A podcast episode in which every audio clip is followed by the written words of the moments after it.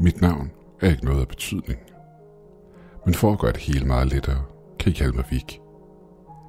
Jeg er det, man i daglig tale vil kalde en monsterjæger, eller en kryptidjæger, hvis det skal være helt korrekt.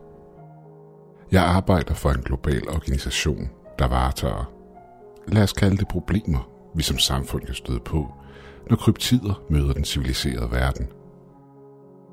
Mit arbejdsområde på den globale scene er Danmark. Du hørte rigtigt. Danmark. Nu tænker du sikkert, der er sgu da ikke kryptider her i landet. Jo, rent faktisk er der, og der er mange forskellige. De fleste af dem kender du allerede sikkert med navns nævnelse, såsom lygtemænd, musekonen, alfa og nisser osv. Alle sammen savnfigurer fra vores lands historie. Væsner, vi opfatter som overtro og myter, der ikke har en plads i det moderne samfund. Organisationen, jeg arbejder for, har eksisteret siden de første heksjagte startede op i Europa. Til at starte med, var det for det meste kloge koner og folk, der havde en indgående kendskab til naturen derinde på bålet. Men en lille gruppe mennesker faldt ved et tilfælde over det, man vil kalde en rigtig heks, og åbnede derved Pandoras æske ind til den overnaturlige verden, som vi deler planeten med. Blandt heksens personlige ejendele fandt gruppen flere optegnelser over kryptider, der enten indgik i magiske formularer, hvordan man fanger dem, og hvordan man gør dem. Og ud fra disse oplysninger voksede organisationen, jeg arbejder for, langsomt frem. Vi har selvfølgelig også nogle af de mere, skal vi sige, internationale stjerner inden for den kryptide verden. I det vores verden i dag er blevet mindre, og folk har nemmere ved at bevæge sig rundt i den på grund af de transportmuligheder, der er tilgængelige for os alle, betyder det selvfølgelig også, at visse kryptider har de samme muligheder. Nu tænker du sikkert, jeg har sgu da aldrig set Bigfoot booke en billet på første klasse. Og nej, visse kryptider holder sig til de områder, de nu engang naturligt bor og lever i. Lad mig give dig et eksempel. Tag et væsen som vareulven. Det du højst sandsynligt ved om denne skabning er, hvad du har lært om den i film og tv-serier. Vareulven er ikke en blodtørstig skabning, der flår og river i alt, hvad de kan komme i nærheden af. I ulveskikkelsen bibeholder de nemlig deres menneskelige personlighed. Men som hos os mennesker, så findes der rådne æbler blandt de normale. Sådan er det også hos vareulvene. Og det er her, min organisation kommer ind i billedet. Ifølge historierne, som I sikkert allerede kender, så bliver personen, der er en vareulv, transformeret om ved fuldmåne, hvilket ikke er sandt. De kan til hver en tid transformere sig om, når de har behov for det. Vareulve kan kun dræbes med en sølvkugle. Det er heller ikke sandt. Ligesom os, så gør kugler, svær, knive osv. lige så stor skade på dem, som det gør på os. De har bare en mere hårdfør kropsbygning, der gør det sværere at nedlægge dem. Men hvor kom jeg til? Ah ja, men på grund af de massive transportmuligheder, vi har i dag, så findes der i dag varulve, der lever et helt normalt liv blandt os. Det kunne måske endda være din nabo. Hvem ved? Men som jeg sagde tidligere, så findes der også onde varulve, ligesom der findes onde mennesker. Fra tid til anden oplever du måske at støde på en nyhedsartikel, hvor en person er forsvundet ud i den blå luft. Og lige meget hvor meget myndighederne leder, så finder de ikke spor vedkommende. Normalt ville man tænke, at hvis det var en vareulv, der stod bag, så ville de finde en sønderflået krop. Men da vi ikke har noget rovdyr af den størrelse herhjemme, som man kan tilskrive dødsfaldet til, vil sagen vække opsigt. Men som jeg nævnte tidligere, så bibeholder varulven sit menneskelige sind, i det den er forvandlet. Hvilket gør, at den kan tænke rationelt og forudse sit næste træk, for ikke at tiltrække sig en uønsket opmærksomhed. De har gjort sig den erfaring, at det at stå offret ihjel på stedet ikke er en god idé. I stedet tager de personen med til et sted, der er forberedt i forvejen, og hvor de uforstyrret kan udøve deres bestialske adfærd. Hvilket selvfølgelig gør det en del sværere for os at finde frem til den pågældende vareuld, der har overtrådt organisationens regler. Men det er her, vi har et ekstra kort i ærmet. Som alle de store kriminalbekæmpende organisationer, der findes rundt om i verden, som for eksempel CIA, FBI osv., så er vi afhængige af information. Information, der bliver indsamlet i felten, og som kan føres på sporet af den kryptid, vi jager. Det lyder åndssvagt at sige det højt. Men nisser, eller rettere, det vi i gamle dage kaldte for gårdnisser, er nogle af de bedste til at opsnappe og indsamle den information. De nærmest lever for det. Det er som at se en gruppe sladertanter, der er samlet ved frisøren og plapper løs, når de først går i gang. De er effektive, for at sige det mildt. Men lad os kaste os over historien, jeg vil fortælle jer om i dag. Normalt i den her branche når man sjældent pensionsalderen. Og det har jeg været inden for organisationen i 8 år, gjorde mig til en af de gamle og erfarne inden for jobbet. Det startede en tidlig tirsdag morgen. Jeg tror klokken var lidt over fire om morgenen, da min computer gav lyd fra sig. Jeg var lige kommet hjem fra et job, hvor vi havde jagtet en gule, så jeg var smadret i hele kroppen og trængte mest af alt bare til at få en god nats søvn. Jeg klikkede på klokkeikonet, og min kontaktperson Camilla tonede frem på skærmen. Hun var min eneste kommunikationsvej imellem mig og den øverste ledelse i min afdeling af organisationen. Man vil kalde hende en slags manager. Du ligner lort, sagde hun med et smil på læben, i det jeg kastede mig ned i sofaen. Tak, sagde jeg træt. Det ville du også være, hvis du havde jagtet en ligeædende møgsæk rundt på en gammel kirkegård klokken lort om natten. Det er jo ikke lige frem, fordi de her skabninger har en kontortid, hvor man kan træffe dem på. Hun grinede højlydt, imens hun så medlidendet på mig. Åh, stakkels Vik, svarede hun ironisk. Men jeg går ud fra, at jobbet er fuldført, spurgte hun. Ja, den tingest har spist sit sidste kadaver. Fint, sagde hun. Det lader jeg gå videre, og betalingen burde stå på din konto i morgen tidlig. Jeg rakte tommefingeren op i et OK-tegn, i det jeg træt lod armen falde ned på sofaen. Jeg har endnu et job til dig, sagde hun med en alvorlig mine. Hvad er det, spurgte jeg træt og gned øjnene. To personer er forsvundet sporløst i et område i Nordsjælland. Myndighederne har intet at gå efter, og vi frygter det værste. Vi vil gerne have, at du undersøger sagen. Og er der noget, så skal du selvfølgelig tage hånd om problemet. Vi har aftalt et møde med Drix, der muligvis ligger inde med nogle informationer om det pågældende område. Drix var en af de her gamle gårdnisser, der levede af at sælge os information.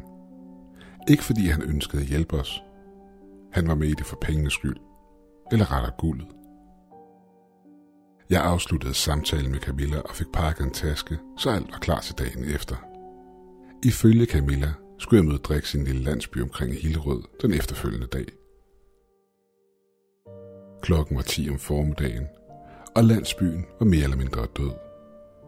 Jeg satte mig ned på en bænk på torvet og hævde min telefon frem, imens jeg ventede på, at Drix skulle dukke op. 15 minutter senere hørte jeg en ro stemme bag mig, der rømmede sig. Hvordan kan man bedst beskrive en gårdnæs? Forestil dig Gimli fra Ringnes Herre, bare en meget ældre udgave, og som ligner en, der kan finde på at råbe efter børn, fordi de larmer for meget. Det eneste unormale ved ham, og som for et trænet øje kunne afsløre, at han ikke var menneskelig, var hans store næse og det smaragdrøde skær, der var over hans øjne, når lyset ramte ham fra en bestemt vinkel. Han traskede langsomt hen til bænken og satte sig ned ved siden af mig. Hvad har du til mig, drik, spurgte jeg. Han tykkede lidt på ordene, inden han rakte hånden frem imod mig. Guld først, svarede han. Jeg tog en lille lederpose frem fra lommen og lagde den i hans hånd. Han varede den i hånden, så tilfreds på mig og lagde den så i en af lommen, inden han sagde, Du får noget af en udfordring, grinede han lavmældt. Hvad mener du, spurgte jeg. Hvordan har du det med vareulve, spurgte han smilende. Vareulve? Som i flertal, spurgte jeg. Ja, svarede han kort. Der er kommet et par til området for et stykke tid siden, og det passer tidsmæssigt sammen med de to personer, der er forsvundet. Fuck, tænker jeg for mig selv. En varul var forholdsvis svær at nedlægge. To, det var det rene selvmord. Bare giv mig den information, du har, så skal jeg nok tage mig resten, svarede jeg. Okay, det er din begravelse, svarede han tørt. To varulve, en ung mand og en kvinde, måske i starten af 30'erne, kom til området her for en uges tid siden. Et par dage senere forsvandt de to efterlyste personer ud af det blå i området omkring Gribskov. Jeg har selvfølgelig undersøgt området, de forsvandt i, og fandt selvfølgelig frem til, hvor de holder til.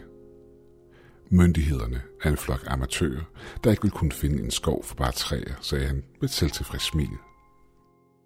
Som nævnt tidligere, så er gårdnisser nogle af de bedste til at indsamle information. Men de ved desværre også, hvad de skal for den. Drik så kort på mig, inden han sagde, i Kribskov er der et område, hvor folk ikke rigtig kommer. Det ligger øde hen i en isoleret del af skoven. Der ligger, hvad der ligner ud til en forladt hytte, hvor de holder til, og hvor de muligvis holder de to personer fanget. Jeg har af gode grunde ikke nogen bekræftelse på, om de to forsvundne er i live, da varulvene ikke er min kop te. Plus det, at jeg ikke ønsker at mine dage som et kødben for de behårede bæster. Han gav mig et lille krøllet kort over området, hvor et kryds stedet. Har du mere, spurgte jeg. Nej, det er alt. Held og lykke. Du får brug for det, sagde han, i det han rejste sig grinende og forlod stedet. Der var ikke andet at gøre. Jeg måtte færdiggøre det, jeg var kommet for. Den eneste grund til, at vareulene finder sammen på den måde, når de vil yngle, hvilket besværligt gjorde opgaven endnu mere. Ser du, normalt tror folk, at man bliver til en vareul, når man bliver bidt af en. Det gør pisse ondt, men det er ikke tilfældet. Den eneste måde, at nogen bliver til en varulv, er hvis man er født som en. Dette kræver normalt, et blodsritual bliver udført. Hvilket nok er grunden til, at de har kidnappet to uskyldige mennesker, som skal bruges til netop dette. Fuck, tænker jeg for mig selv, i det jeg rejste mig fra bænken. Mørket var ved at falde på, da jeg med største forsigtighed sneg mig ind på området, hvor hytten lå. Vareulve har en exceptionelt god hørelse, så det galt om at se sig for, hvor man gik. De har også en utrolig lugtesans, hvilket betød, at jeg måtte kamuflere min lugt. Heldigvis er det en af de informationer, der stod nedskrevet i en af de journaler, som vores organisation havde fundet på den heks, jeg fortalte om i starten. Salven bestod af forskellige urter, og nogle mere eksotiske ting, jeg ikke engang kan udtale navnet på. Men den virkede. Så rent lugtmæssigt var jeg usynlig for dem. I det de sidste solstråler forsvandt bag træerne, nåede jeg op til trægrænsen, der omkransede hytten. Jeg greb min riffel, udset mig et træ og kravlede så op, så jeg kunne danne mig et overblik over området. Igennem et af vinduerne i hytten kunne jeg se lidt af en nøgen mandlig overkrop, der lå fastspændt til et træbord. Og bag ham kunne jeg se manden og kvinden stå nøgne, indsmurt i blod, alt imens de kælede og kyssede på hinanden – jeg trak langsomt riflen frem, satte mig til rette og tog sigte på manden. Et kort efterfulgt af mandens hoved, der eksploderede som en mod melon, og brølet for kvinden afbrød nattestilheden. Et sekund senere blæste vinduet ud af væggen, og ud fra vinduet fløj kvinden, der nu var forvandlet til en varulv. Hun stod et kort øjeblik og snusede til luften, inden hun løb i modsatte retning af, hvor jeg sad. Jeg kravlede hurtigt ned fra træet og bevægede mig langs trægrænsen over imod huset. Jeg måtte være hurtig. Den kunne komme tilbage når som helst. Bag ved huset fandt jeg den anden forsvundne person, eller rettere resterne af vedkommende. Jeg måtte kvæle brækfornemmelsen, i det jeg så resten af, hvad der engang havde været et menneske.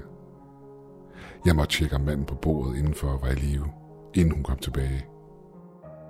Langsomt kravlede jeg igennem resterne af vinduet i det jeg lyttede efter den anden varulv. Jeg kunne høre den et stykke væk fra området, i det den i vrede væltede igennem skoven i sin søgen efter mig. På bordet foran mig lå en mand, hvis maveregion var flået op. Han gispede efter vejret, alt imens blodet flød ud af munden på ham. Der var intet, jeg kunne gøre. Han var færdig. Jeg lagde en hånd på hans skulder, i det jeg sagde, hjælp mig på vej. Jeg vidste, det var løgn, men jeg kunne se på ham, at det beroligede ham en smule. Kort tid efter lød der et suk fra ham, i det han udåndede. Fuck, tænkte jeg for mig selv. En dyb knoren kunne høres på den modsatte side af huset. Usle menneske. Du slog min mage ihjel, sagde en ro og umenneskelig stemme. Jeg skal flå dig levende og bade i dit blod, inden jeg river halsen over på dig. Jeg så mig om i huset. Hvad fanden skulle jeg gøre? Jeg kunne høre den bevæge sig rundt om huset, over imod hoveddøren. alt imens lyden fra dens knoren vibrerede i brystkassen på mig. Inden jeg nåede at se mig om, eksploderede døren i tusind stykker, og en massiv væg af pels og træ ramte mig i brystet og slog mig omkuld på gulvet. Jeg kæmpede med alt, hvad jeg havde for at komme på benene igen, og nærmest gled hen over gulvet, i det jeg desperat prøvede at gribe ud efter min riffel. En stor ulvepote slog riflen væk og hen ad gulvet, i det en ondskabsfuld latter bredte sig i hytten. Tro mig, at høre en varulv le på den måde, er noget, du på ingen måde har lyst til at opleve. Jeg vendte mig om imod det knuste vindue og kravlede i et desperat forsøg ud af det. Halvvejs ude i mørket mærkede jeg et enormt pres på den nederste del af min ben, efterfulgt af lyden af en knogle, der brækkede. Jeg kunne mærke blodet løbe ned ad benet, imens smerten bredte sig til resten af kroppen med lynets hast. Jeg skreg i vildskab og forsøgte at slippe ud af dens kæbes jerngreb. I kampens hede fik jeg ved et tilfælde fat i et stykke langt glasgård, og i det den trak sig ind til mig for at gøre det af med mig, stak jeg glasgårdet dybt ind i dens hals. Et brøl af en anden verden skar mig i ørerne, i det glasgårdet ramte sit mål. Vareulven rejste sig på bagbenene, i det den tog sig til halsen. Blodet fossede ned af halsen og ned på brystkassen af den. Gispende hæv den efter vejret, i det den sank sammen på knæ foran mig. Den så op på mig, i det den snærede af mig en sidste gang, inden jeg så livet i dens øjne slukkes. Jeg sank sammen på gulvet. Det var overstået. Jeg kravlede ud af døren og satte mig på væggen udenfor. Jeg trak en pakke smøger frem fra lommen og tændte en, i det jeg ringede til Camilla.